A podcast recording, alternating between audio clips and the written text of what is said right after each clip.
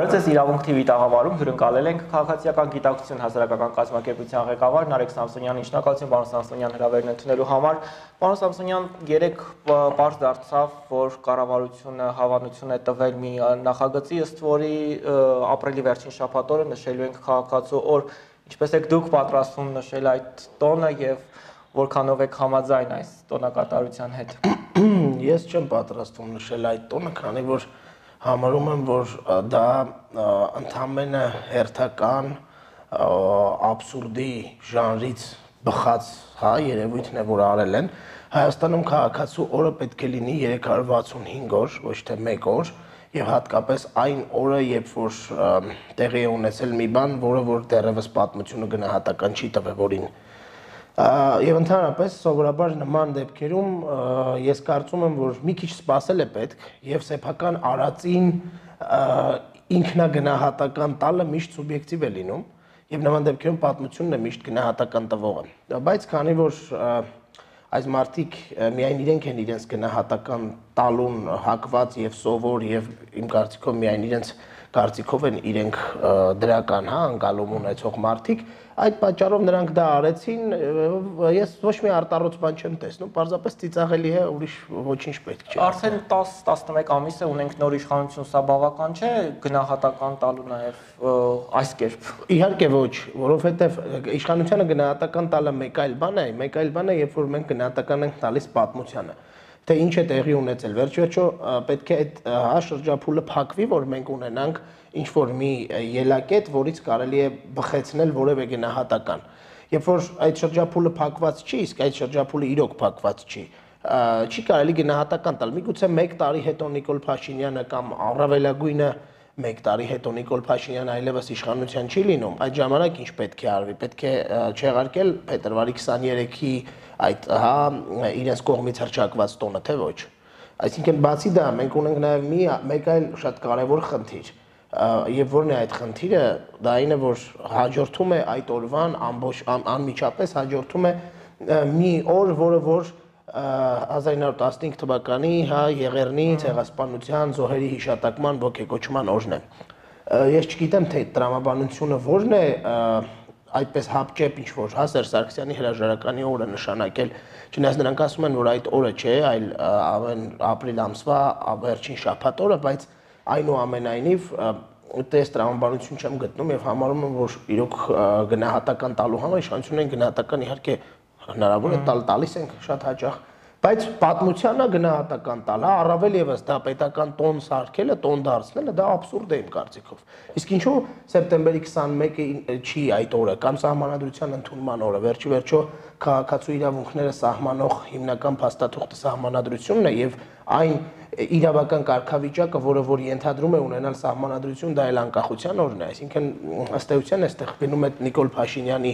անձի փառաբանման ինչ որ գործընթաց, այդ գործ իրենց ստեղծած գործընթացի, որն իրենք ասում են հեղափոխություն, ես հակված եմ դա համարել հեղաշրջում, այդ հեղաշրջման փառաբանման հա ինչ որ ճանապարհ է, որը որ իհարկե անընդունելի է եւ սխալ։ Կրթության գիտության նախարարն ասում է, որ հեղափոխությունից հետո սա երկրորդ կարևոր տոնն է, հա, իսկ իրենց ֆրակցիայից մի падգամավոր էլ ասում էր, որ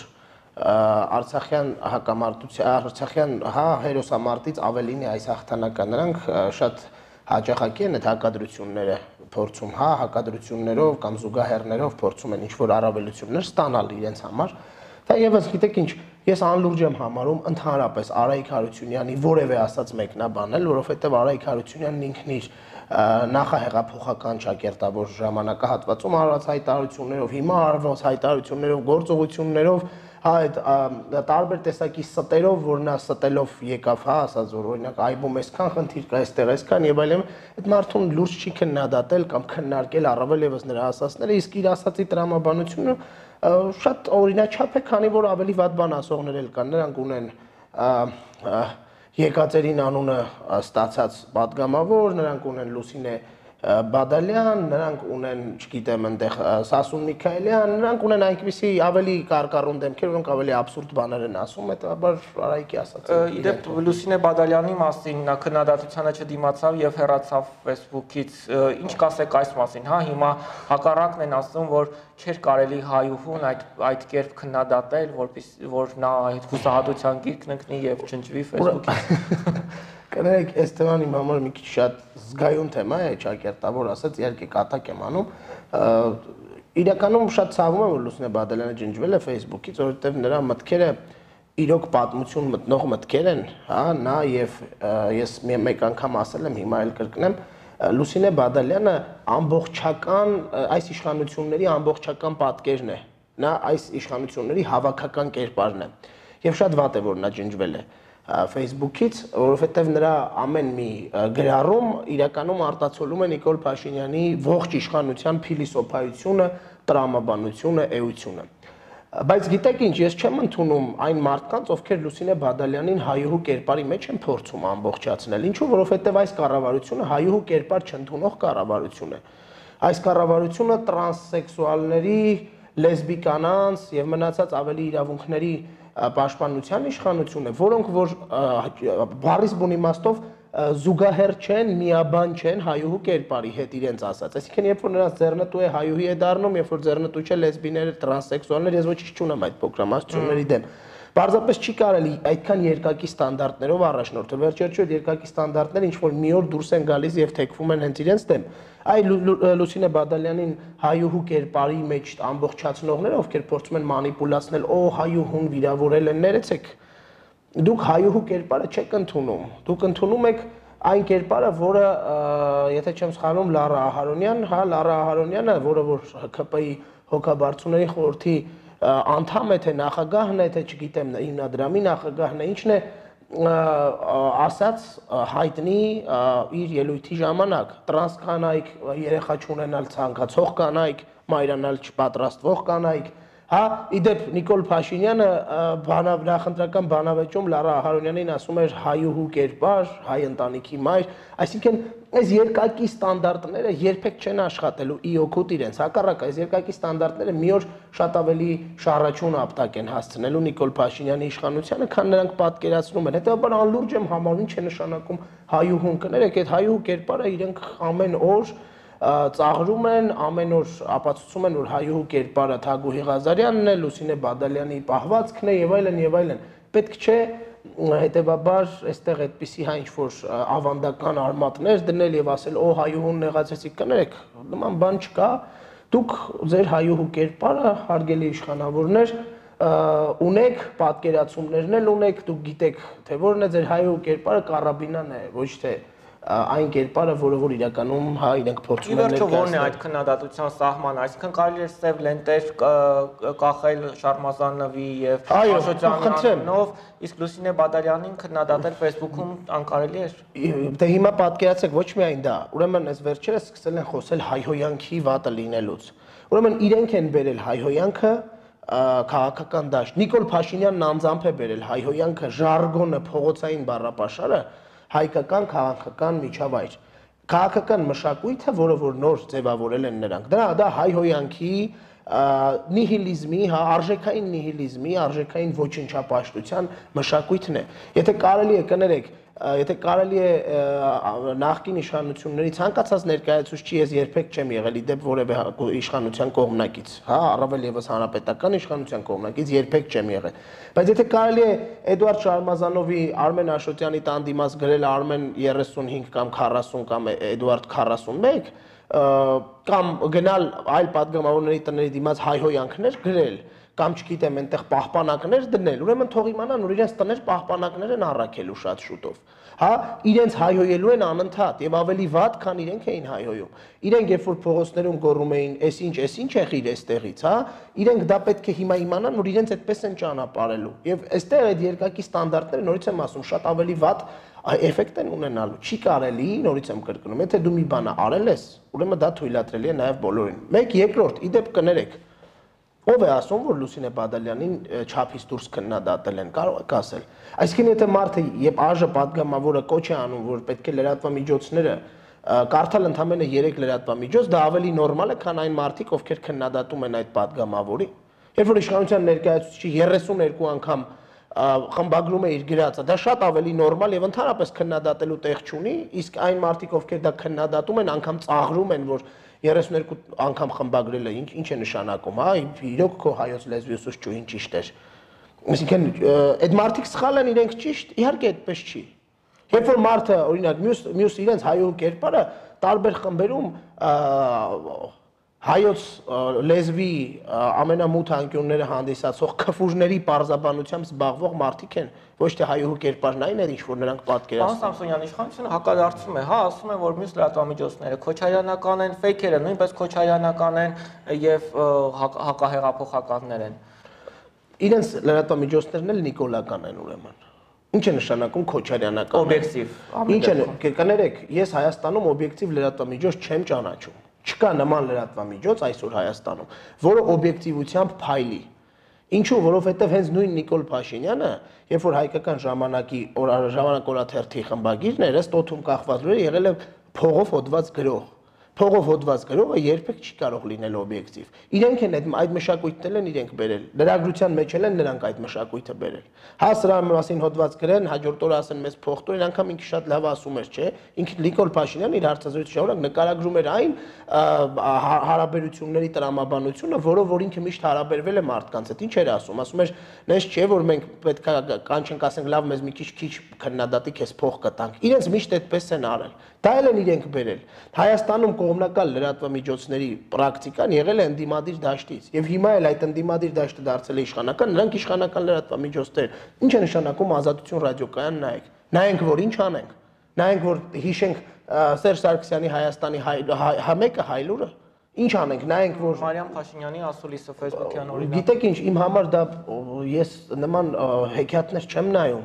որպես սպառող, մեդիա սպառող, ես նման հեքիաթներ, նման մանկական հեքիաթներ չեմ նայում։ Այդտեղ ռոպագանդա է ամբողջությամբ։ Իսկեն ինչ է նշանակում քոչարյանական են, իսկ ինչ է նշանակում նիկոլական լրատվամիջոցը։ Թե հայկական ժամանակը, թե ինչ որ մեկ մի լրատվամիջոց քոչարյանական է, հայկական ժամանակը նիկոլական չէ։ Իսկեն դա շատ արհեստական տարանջատում է, դա քննադատությունից խուսափելու փորձ։ Այսօր ձեր ընդդիմությունը քոչարյանն է ուրեմն Այսօր ձեր ընդդիմությունը այն մարդիկ չեն, որոնք որ ձեր parlamentum են։ Հա? Եվ Նիկոլ Փաշինյանը շատ ուղղակի ցույց տվեց, որ այո, այսօր Հայաստանում ընդդիմություն parlamentum գոյություն չունի, որտեղ ինքը կռվում է միայն այն մարդկանց դեմ, իդեպ պիտակավորում են միանգամից այդ մարդկանց։ Հիմա ես ոչ մի բանական չեմ։ Չեմ էլ եղել։ Հավատացեք, եթե ես Ռոբերտ Քոչարյանից կամ որևէ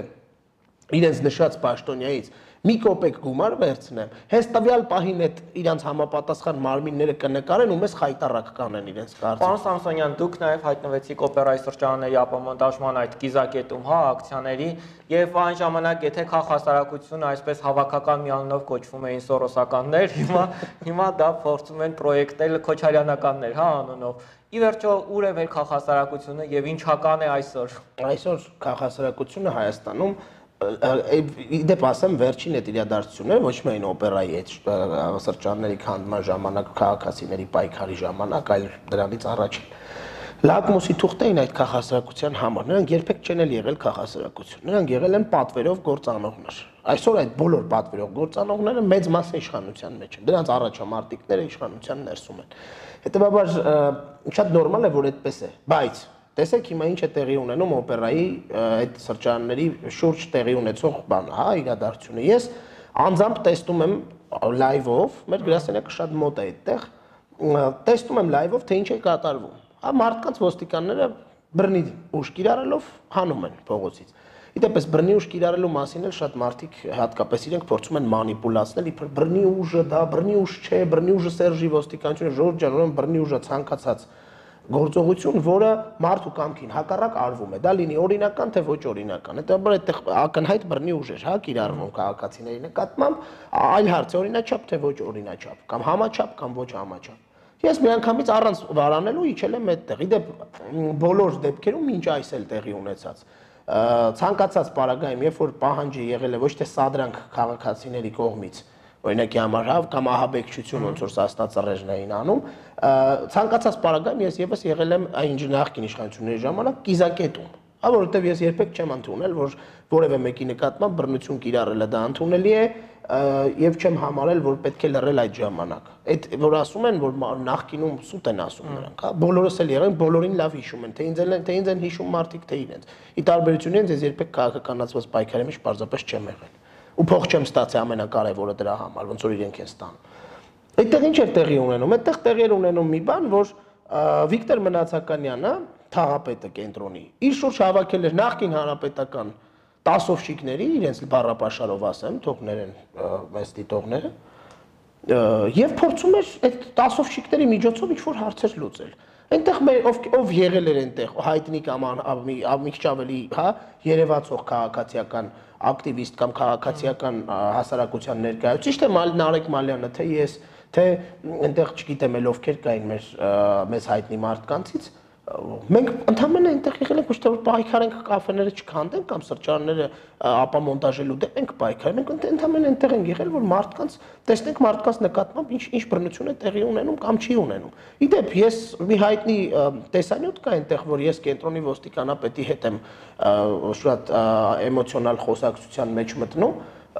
վերջում պարզվեց որ մարդիկ ոստիկանները քացով եւ ոչ միայն քացով այլև արմունկներով եւ բռունցքներով քաղաքացի են չէ ծեծել։ Այսինքն ըստեյության օրինաչափ էր, չէ, այսինքն ըստեյության ես ճիշտ էի չի ասում։ Ճիշտ է, այդ նույն ոստիկանը չէր, նույն տեղում չէր, բայց լինում էր իմ աչքի առաջ էլ եղավ։ Ոստիկանությունն էլ ընդունեց։ Այսինքն ոստիկանությունը ոչ միայն ընդունեց, այդ աշխատողին հանեցին։ Հիմա մենք լավ բան ենք արել, թե վատ բան։ Հո մենք Վիկտոր Մնացականյանի նման չեք կանչեմ մեր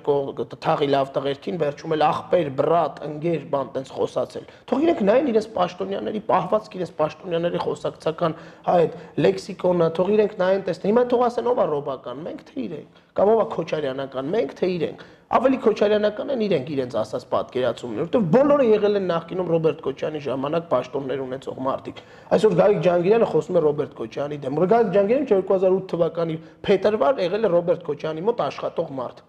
Հա, այդ մարդիկ ովքեր Ռոբերտ Քոչյանից պաշտոն էին մուրում, խնդրում էին որ իրեն ընդունի, այսօր Ռոբերտ Քոչյանին բացասական են հիշում, մենք էլ որ երբեք որևէ օգուտ չենք ունեցել Ռոբերտ Քոչյանից, մեզ էլ ասում են Ռոբերտ Քոչյանից փող վերցնում, դե զավեշտ է, ծիծաղելի է ընդհանրապես, անլուրջ վերաբերվում։ Պարոն Սամսոնյան, Ջանգիրանից բացի եւս մեկ պաշտոնյա է, հա, շատ ակտիվ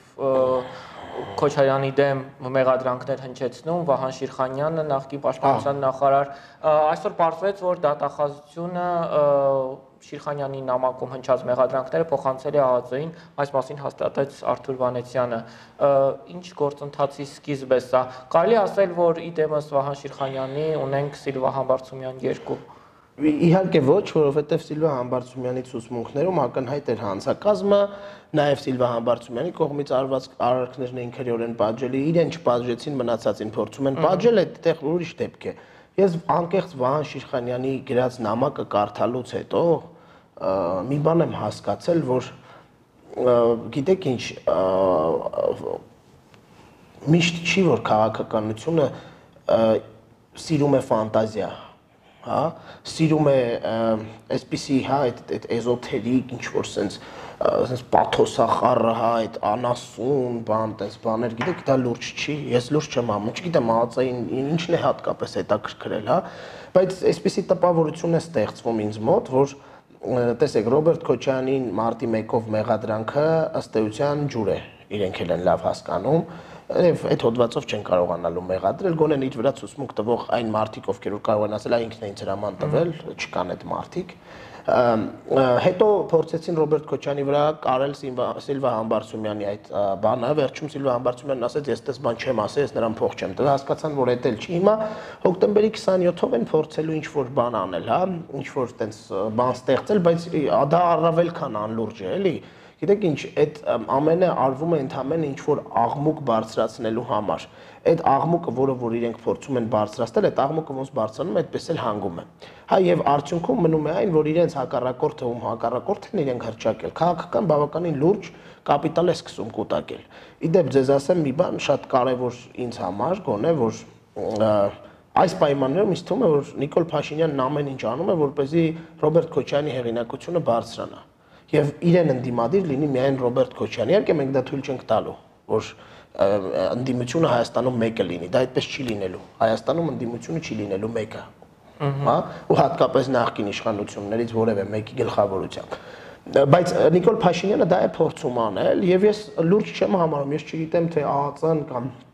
դատախազությունը ինչ կարող են, հա, ինչ ինչ գործ կարող են հարուցել կամ ինչ կարող են կպցնել այդտեղ, բայց ես Արման Շիրխանյանի գրվածը համարում եմ բակատարյալ անլրջություն մի པարս պատճառով։ Ընդամենը մի պատճառով մնացած կարելի է չքննարկել, Գիտեք ինչ, այնտեղ մարդը գրում է բաներ, որը մահացած մարդու եւ իր խոսակցություններն են։ Ցանկացած մեկը մեզանից երբ չէ չի ապացուցվի, այո, այսինքն հիմա ցանկացած մեկը մեզանից կարող է դուրս գալ եւ իր մահացած հարևանի կամ բարեկամի անունից հայտարարություններ անել, որտեղ եղել են միայն երկուսով, այդ երկուսի կարծիքը ներկայացնի, այսինքն դա սա օբյեկտիվության ու բանի խնդրեմա չէ։ Եվ բացի դա, գիտեք ինչ, Ռոբերտ Քոչարյանին, Սերժ Սարգսյանին, Լևոն Տեր-Պետրոսյանին կարելի է մեղադրել ամեն ամեն ինչում։ Ամեն ինչում, ինչում ցանկանում են։ Հատկապես հիմիկվա իշխանությունները դրանից շատ լավ են, հա, այդ ֆանտազիան իրենց մոտ շատ ավելի բարձր է աշխատում։ Բայց մի բանում չի կարելի էլի մեղադրել մարդկանց։ Չի կարելի մեղադրել այդ երեքին էլ, որ Հայաստանում նրանք նպատակաուղված, հա, ինչ որ sense գործընթացներ են արել, որը որ միայն իրենց շահերից է բխել Կներեք, այսօր Հայաստանի քաղաքական establishment-ի 90%-ը այդ երեք նախագահների կառավարության իշխանության ժամանակվանից սկսած մարդիկ են։ Այդ բոլորը այդտեղ մեղավոր են։ Գագիկ Ջահանգիրյանը պետք է դրա համար պատասխանատվության ենթարկվի, հա Ռոբերտ Քոչյանի ժամանակ հոկտեմբերի 27-ից հետո բոլոր պաշտոնյաներն ովքեր աշխատել են պետք է պատասխանատվության ենթարկվեն հանցավոր անգործության համար այսինքն այստեղ մի անձի վրա ինչ որ մի բան բարթել է նույնը Լևոն Տեր-Պետրոսյանից վերջը շատ են սկսել նաև Տեր-Պետրոսյանին չէ անընդհատ ամենտեղ գտնում են Տեր-Պետրոսյանի ականջները Տեր-Պետրոսյանի աչքերը չգիտեմ բայց գիտեք ինչ դա ծիծաղելի է մենք վերջի վերջո այս անձերի բանից դուրս գալու ենք թե չենք գալու չենք դուրս գալու պարոն Սամսոնյան քանի որ այսօր Արթուր Վանեցյանը անոնսավորել է որ առաջիկայում եւս լինելու են աղմկոտ բացահայտումներ շատ լավ է որ լինելու են աղմկոտ բացահայտումներ բայց այդ աղմկոտ բացահայտումները երբ որ սկսում եւ ավարտվում են նախկին իշխանություններով եւ ներկա իշխանությունների վրա էլ աղմկոտ բացահայտումներ մենք սպասում ենք, տեսնում ենք մարդը բարթա կալանավորել այդ մարդկանց մասին ոչ մի տեղեկություն չունենք բացի մի A4 ֆորմատի թղթից։ Այդ ինչու այդ աղմկոտ բացահայտումը Դավիթ Սանասարյանի հա այսպես ասած օֆիսի վրա չեն բանանում, հա? Չեն մենք ինչու մենք չգիտենք։ Այ ես կուզեի որ պարոն Վանեցյանը նաև դրա մասին մեզ ասեր, հա։ Ոչ միայն այդ նախկին իշխանությունը, այդ նախկին իշխանությունների մասին ինչ աղմկոտ բացահայտում ասես արդեն կա, դեռ մի 100 հատ էլ կարող են անել։ Դա բան չի, հա, գաղտնիք չի։ Թող իրենք ասեն ում հետ են պայմանավորվել, որ չի չեն անելու, հա։ Մենք շատ օդիոս դեմքեր գիտենք, չէ՞, այդտեղ, որոնք որ ըստ էության այսպես ասած պլստացին։ Ինչու նրանք պլստացին այդ դեպքում, հա, այդ աղմկոտ արդեն գիտեք, այն հռոմեական հին հայտնի բանն է, հա, տեսարաններ եւ հաց այսպես այսպես այսպես քաղաքականություն պետություն չի կառուցվում այսպես քաղաքականություն չի արվում լավ ինչ եք դուք անելու բացի աղմկոտ բացահայտումներից կամ ուր են գնում այդ աղմկոտ բացահայտումները ուր են հասնելու այդ աղմկոտ բացահայտումները ինչ ենք մենք ստանալու դրա դիմաց Այդ բացահայտ որոշ բացահայտումներով զբաղվում եք նաև դուք, հա, անտի fake AM նախաձեռնությունը ամեն դեպքում դրան է միտված։ Այդ բացահայտումները ինչ նպատակ ունեն ի վերջո։ Հիմա տեսեք, մենք թիրախավորել ենք fake պաշտոնյաներին։ Այդ fake բառը շատ շատ բազմանշանակ է, հա, կեղծ պաշտոնյաներին, կեղծ քաղաքական օրակարգերին։ Մեզ մոտ մենք ի տարբերություն մեկ այլ հայտնի եւ շատ բարձր վարձատրվող նմանատիպ ճակերտավոր իհարկե փաստերի ստուգման հարթակից ի տարբերություն նրանց մենք որևէ քաղաքական ուժի կծորթը չենք։ Մենք անկախ փորձագիտական խումբ ենք ձևավորել, որոնք զբաղվելու են դաշտում արկա կեղծ լուրերի, ռոպագանդայի, մանիպուլյացիաների։ Այ հիմա մենք մոնիտորինգ ենք անել, անում արդեն ունենք տվյալներ լրատվամիջոցների, թե ով ինչ ուղությամբ, ինչպիսի քարոշչական բնույթի եղանակների, հա, հոդվածներ է գրում, ինչու է գրում, որն է նրանց մոտիվացիան, հա։ Բոլոր են պաշտոնյաներ, օրինակ մենք ունենք արդեն տասնյակ պաշտոնյաներ, սա մի քիչ ձեզ մոտ փակագծեր բացել է լինում, բայց ոչինչ, տասնյակ պաշտոնյաներ, որոնց բանակից ազատվելու մասին մենք ունենք բավականին հավաստի տվյալներ, որոնք ուղղակիորեն գալիս են ապացուցելու այն, որ նրանք ոչ թե բանակից ազատվել են օրինակ իրական ճանապարհով, որոշների դեպքում անգամ օթում կախված լուրեր կան, որ փող են տվել, օրինակ Տիգրան Ավինյանը։ Հա, ամենալավ մենք դրա մասին հարցումներով կապացուցենք, որ նրանք անընդհատ խուսափում են պատասխանել թե ինչու։ Ա օրինակ մի քանի падգամավորներ, անգամ մի դեպք ունենք, որտեղ անգամ քրեական գործ հարուցելու հնարավորություն կա։ Ու շատ հնարավոր է քրեական գործ հարուցի, մենք դա կհրապարակենք, երբ որ ժամանակը կա, մոտորերս, հա, արդեն կայքը երբ որ կսկսի աշխատել։ Այդ fake պաշտոնյաներին մենք ունենք նաև ուղություններ ներքին լուրերի fake լինելու մասին։ Օրինակի համար հեղափոխությունից առաջ եւ հիմա մարդկանց տրանսֆորմացիան ինչու այդպես եղավ ինչպես ինչպես հիմա հավատանք մի մարդու, որը նախկինում համոզված ասել է մի բան, դրանից հետո տրամագծորեն հակառակն է ասում հիմա։ Ինքն դա լինելու է ընդամենը հարթակ, որտեղ որ մենք parzելու ենք ճշմարտությունը, որտեղ որ մենք parzելու ենք fake եւ իրական քաղաքական գործիչներին։ Օրինակ Վարազդատ Կարապետյանը պատկերացնում եք մարդը Սևանի ափին ունի բազմաթիվ բավականին մեծ իդեպ հողատարածքներ։ Վարազդատ Կարապետյան։ Պատգամավոր։ Այո։ Հիմա այդ մարդը խոսում է ինչ որ բաներ քանդելու մասին, կարևորության մասին, հողերի սեփականությունների եւ այլ։ Հիմա մենք ո՞նց հավատանք այդ մարդուն, որ ինքը fake չի։ Ինչպես մենք հավատանք, որ օրինակ համար Նիկոլ Փաշինյանը fake չի։ Եթե Նիկոլ Փաշինյանն ասում էր, որ պետք է արագաչափերը հանի, եթե Նիկոլ Փաշինյանը ասում էր, որ օրինակի համար նախկին նախագահի եղբայրը բոլոր տեղերում 50% փայ ունի եւ դա ապացուցված չի։ Երբ որ Նիկոլ Փաշինյանն ասում էր, որ Սերժ Սարգսյանը ինադու է տանուլ տվել ապրիլյան քարորյան, հիմա ասում է այդպես չի։ Հա, այսինքն մենք փորձելու ենք պայքարել ֆեյքերի դեմ։ Ֆեյք քաղաքական գործիչների, ֆեյք պետական պաշտոնյաների, ֆեյք ընդդիմության, իդեպ, սա էլ շատ կարևոր է։ Մենք parlamentum ունենք fake ընդդիմություն։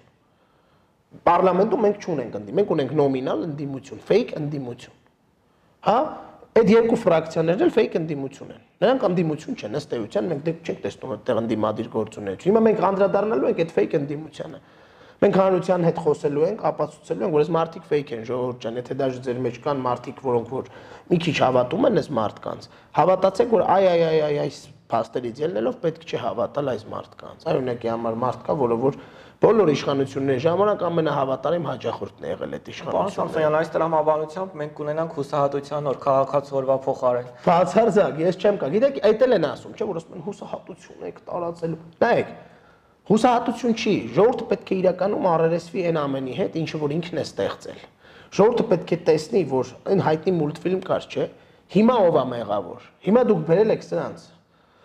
ձեզ խափում էին, ասում էին, որ սա անձի պայքար չի, սա իշխանության հաստելու համար չի, բայց արդյունքում ստացվեց, որ այդպես է, չէ՞։ Այսինքն արդյունքում բարձր լավ էլ անձի պայքարը, լավ էլ ընտանեկան դինաստիաներով պայքարելու բաներ այսօր մարդիկ պաշտոնյաներ ունեն, հա ընտանիքի բարեկամներ ունեն, հա օրինակ Սամվել Ալեքսանյանի օգնությամբ Նիկոլ Փաշինյանի աներձակն է դարձել падգամավոր եւ այլն եւ այլն, հա։ Այսինքն մարդկանց մենք պետք է ցույց տանք եւ մարդկանց համար սա այդ օվերտոնի պատու հանել չէ, հա, մի քիչ ավելի թեթև, սա շոկային թերապիայի նման պետք է լինի։ Մարդիկ պետք է հասկանան եւ իրենք իրենց վստահեն, որ մյուս անգամ որը շատ շուտով է իմ կարծիքով լինելու Նիկոլ Փաշինյանին իշխանությունից հեռացնելուց հետո մարդիկ հասկանան, որ էմոցիաներով, քաղաքական, հա, ստերով քաղաքականություն եկած մարդկանց պետք է մերժել։ Ոչ թե պետք է մերժել անձին, ոնց որ արեցին, այլ պետք է մերժել այդ համակարգը պետք է մերժել սուտ խոսացող պաշտոնյաներին, որին որոնց գերագույն գլխավոր հրամանատար օրինակ Նիկոլ Փաշինյանն է։ Նիկոլ Փաշինյանը ստի եւ կեղծիքի գերագույն գլխավոր հրամանատարն է։ Այ այդ հաջորդ իշխանապողությունից հետո կարելի է ստի եւ կեղծիքի օր նշանակել եւ այդ օրը Նիկոլ Փաշինյանին ծաղիկներ նվիրել հասկանում եք, այսինքն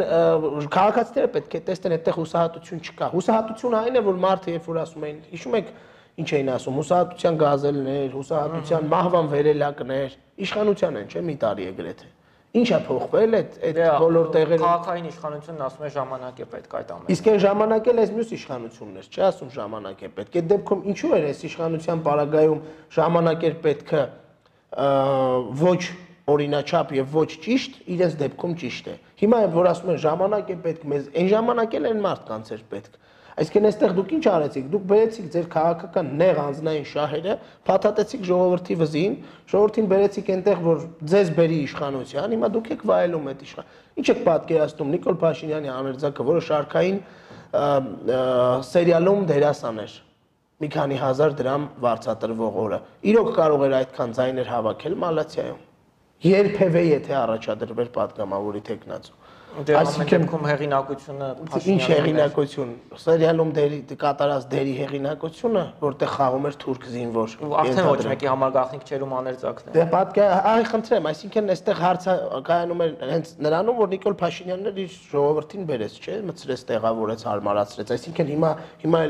իրոք ամոթ է արդեն երեխաներին են օգտագործում քաղաքականությունը, դա իրոք ամոթ է, հա, բերում են ինչ-որ բան, տեքստեր են տալիս, գրում են, մարդիկ նստում են, կարդում են, իբր լուրջ հարցազրույց են տալիս։ Այսինքն մենք քաղաքացիներին սա ցույց տալու հարթակ ենք ստեղծել եւ քաղաքացիներին պետք է ցույց տանք, որ իրականում ժողովուրդ դուք ապրում եք մի հատ կեղծ իրականության մեջ, որը դուք եք սարքել։ Նիկոլը չի մեղավորը։ Նիկոլը մեկն է, որին որ կճանապարհեք, իրան էլ կճանապարհեք։ Լավ, հետո փրկիչների հետևից գնալը արդյոք ճիշտ է Հայաստանում, թե ոչ։ Այսինքն դուք ստեղծել եք մի իրավիճակ, որը fake է, այդ fake-ին դուք հավատում եք։ Եվ պետք է ցույց տանք, որ դա fake է։ Եվ քաղաքացիները պետք է տեսնեն, որ իրենք գործ ունեն իրենց ստեղծած fake-ի հետ։ Հիմա իրենք պետք է այդ ժամանակ արդեն մտածեն, այդ fake-ին հանում են իրականությունն են ստեղծում, թե ոչ։ Այս է դրա։ Այսպես ասած, ամեն ինչում ըստ Դանիել Յոնիսյանի մեղավոր եք դուք։ Ի վերջո ինչ չեք կարողանում կիսել Դանիել Յոնիսյանի հետ եւ ինչ դատական process-ի մասին էր խոսքը, որը բավական երկար քննարկվեց սոցցանցերում։ Հիմա այդ դա, դա լինելու է, հայցը ինքն է ներկայացրել։ Գիտեք ինչ, եթե մի օր բարձվի, որ ես Դանիելի հետ ինչ որ կիսելու բան ունեմ, ես միգուցե այդ օրը շատ լուրջ կմտածեմ ինքնասպանություն գործելու մասին, որովհետև եթե պետք է լինի մի իրավիճակ, որտեղ ես ու Դանիելը պետք է ընդհանուր կիսելիք ունենանք, դա արդեն կնշանակի, որ ես իմ արժեքային համակարգից տասնապատիկ, 20-ապատիկ, 30-ապատիկ հետ եմ, հա, գահավիժել եմ ներքև, ոչ մի բան չկա ընդհանրապես։ Դանիել Յոհաննիսյանը այն fake քաղաքասարակության մարմիններից մեկն է, նա այդ մարմնի ամբողջ ամբողջական հա տեսքերից մեկն է, որը որ քաղաքական նպատակների պատճառով այլասերել է քաղաքացիական հասարակության դաշտը։ Քաղաքացիական հասարակությունը այլասերվել է Դանիել Յոհաննիսյանի նման մարդկանց պատճառով։ Մենք տեսել նորություն ասեմ, հա, հետաքննություն ունենք, որը ցույց է տալիս, թե ինչ է արել, ինչ են արել Դանիելենք իրականում, հա, ինչ են արել, ինչքան գումարով։ Եվ մենք փորձել ենք քաղաքասարակության եւ այդ գործողությունների միջև ընդհանուր կապ գտնել։ Ոչ մի եզրակացության չենք եկել, թողելու ենք հասարակության գնահատականին թե ինչ են արել իրենք, ինչքան գումարով եւ դրանով դա որքանով է նպաստել քաղաքացիական հասարակության զարգացմանը եւ հակառակը որքանով է նպաստել քաղաքական ուժերից որևէ մեկի կամ մյուսի օգտակարության կամ վնասակարության համատեքստում։ Այդ մարդիկ քաղաքական իրենց քաղաքական իրեն գումարով, փողով, իդեպ շատ սա շատ կարևոր է։ Ես մի բան ասեմ, սա ամենայն պատասխանատվությամբ եմ ասում, երբեք ես իմ հասարակական գործունեության համար չեմ վճարվել։ Երբեք ես աշխատավարձ չեմ ստացել, երբևէ նրա համար, որ ես քաղաքացիական գիտակցություն ՀԿ ղեկավարն եմ կամ որ ես քաղաքացիական ակտիվությամբ եմ զբաղված։ Երբեք ես գումար չեմ ստացել։ Անկամ հիմա մենք ունենք դրամաշնորային ծրագիր, բայց այդ դրամաշնորային ծրագրում ես մի կոպեկ գումար չեմ ստանում, որտեվ դա ինձ համար սկզբունք է եղել։ Չեմ ասում վատ է ստանալը։ Ահա դրա դրա մասին չի խոսքը բայց երբ որ դու միայն ստանում ես դրա համար ես քաղաքասարակություն կոչվում դա արդեն նշանակում է որ քեզ քեզ համար գումարն է կարևոր Դանիել Յոհաննիսյանը այդ պատկերն է այդ կերպարն է հասկանում եք Դանիել Յոհաննիսյանը իր ողջ թիմով կլյաուզա կլյաուզա եւ կլյաուզա երեք այդ տեսա նորից հերթական կլյաուզան են արել ինչ որ մի դպրոցի վրա հասկանում եք երբ որ դու գախտնի մարդուն զայնագրում ես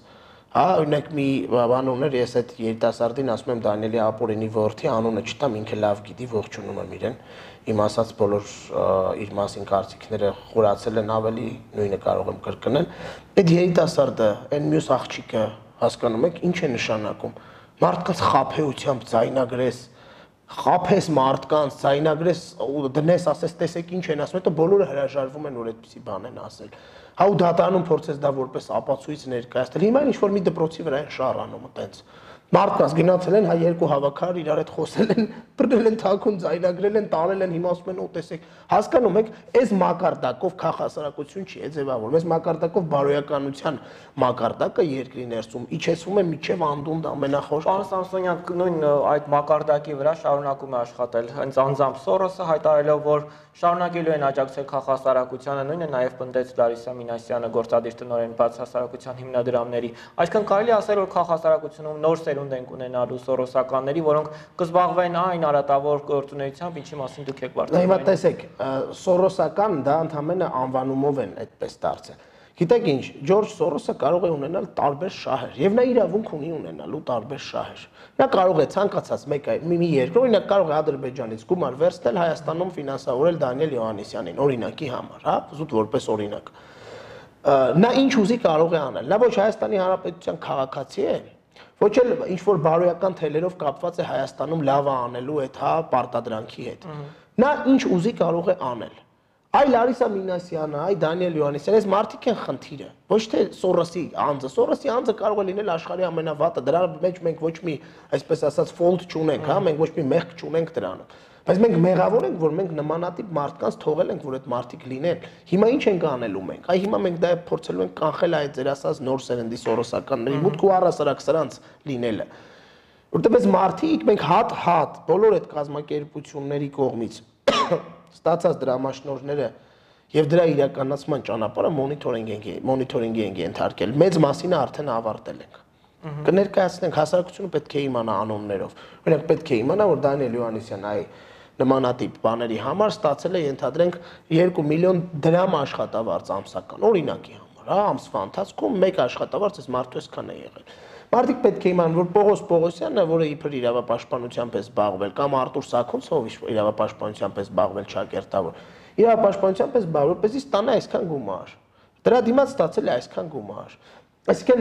ու ինչպիսի իրավապաշտպանությամբ է զբաղվել, այսինքն այս մարդկանց իրական դեմքը բացահայտելով այդ անտիֆեյքի հիմնական նպատակներից մեկն է։ Մարդկանց պետք է ցույց տանք եւ այդ մարդկանց դարձնենք հասարակության համար մերժելի։ Ես ձեզ խոստանում եմ, շատ կարճ ժամանակ հետո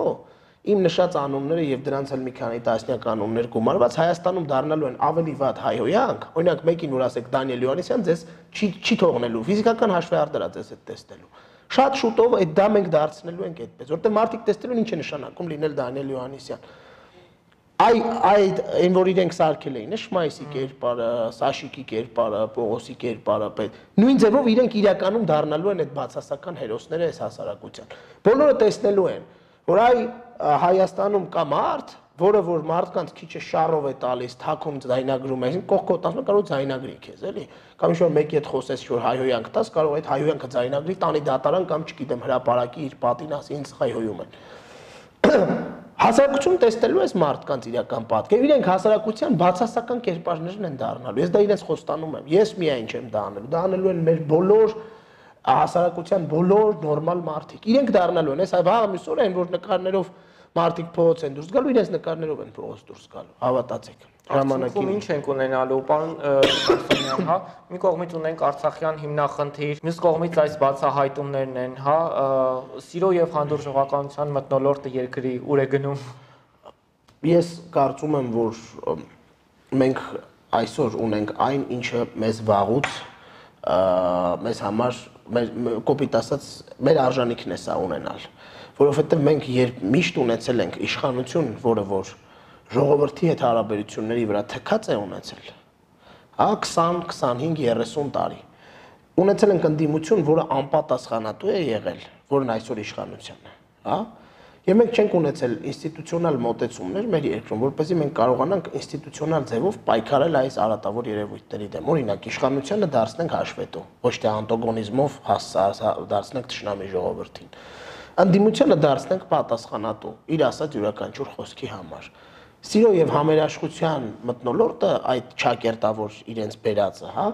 դա ոչ թե սիրո եւ համերաշխության կամ հանդուրժողականության, այլ ատելության ու ստի ու կեղծիքի իշխանության մտնոլորտ է։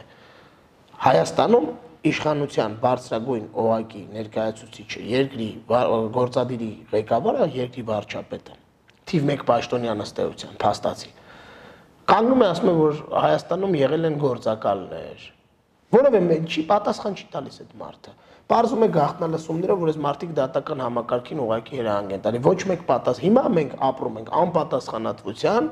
եւ ատելության մտնոլորտում։ Այս մտնոլորտը պետք է շատ արագ փոխել, բայց այս մտնոլորտը չպետք է փոխել այնպես ինչպես Նիկոլ Փաշինյանը փոխեց, չպետք է միֆականացնել։ Պետք է ցույց տալ իրականում այն ինչ որ կա, ու մենք փորձում ենք դա անել։ Մենք ժողովրդին փորձում ենք ցույց տալ, ժողովուրդ ջան, ես կարող եմ չսիրեմ Նիկոլ Փաշինյանին, դուք շատ սիրեք Նիկոլ Փաշինյանին, բայց Նիկոլ Փաշինյան վարչապետը ձեզ խափել է։ Այս այ ասել ու չի արել սա։ Այսօր Հայաստանի Հանրապետություն շրջեք բոլոր բաներում, հա, բոլոր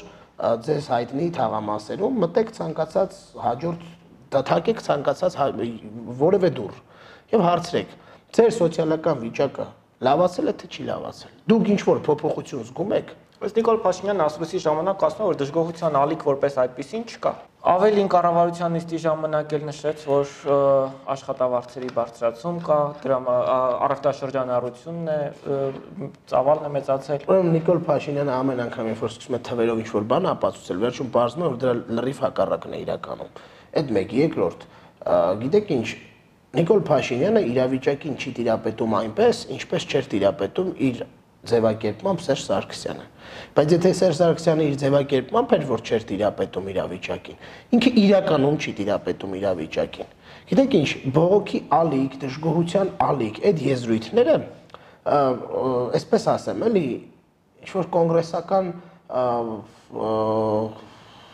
չգիտեմ, խմիչքի հետ սեր ունեցող կնոջ կամ չգիտեմ, սասնա ծռերից հայհոյող կնոջ մեկնաբանությամբ ու ձևակերպմամբ չի լինում, էլի։ Դժգոհության ալիք իրականում Հայաստանում կա։ Դժգոհության ալիքը կա 25-ից ավել 30 տարի։ Այդ դժգոհության ալիքը ամեն անգամ որևէ ձևով փորձում են մարել։ Հիմա Նիկոլ Փաշինյանը իր գործողություններով փորձեց մարել։ Բայց այդ դժգոհության ալիքի հիմնական պատճառը որն է՝ սոցիալական պայմանները, մարդկանց, հա, գումար վաս, ամենապրիմիտիվ բանը, գումար վաստակելու հնարավորությունը նորմալ ապրելու, մարդավարի ապրելու հնարավորություն։ Դա չի լուծվում։ Եվ քանի դեռ դա չի լուծվել, դա լինելու է բողոքը։ Նիկոլ Փաշինյանը մեկ ասում է չկա դժգոհության ալիք։ Մեկ մյուս հարցին պատասխանելիս ասում է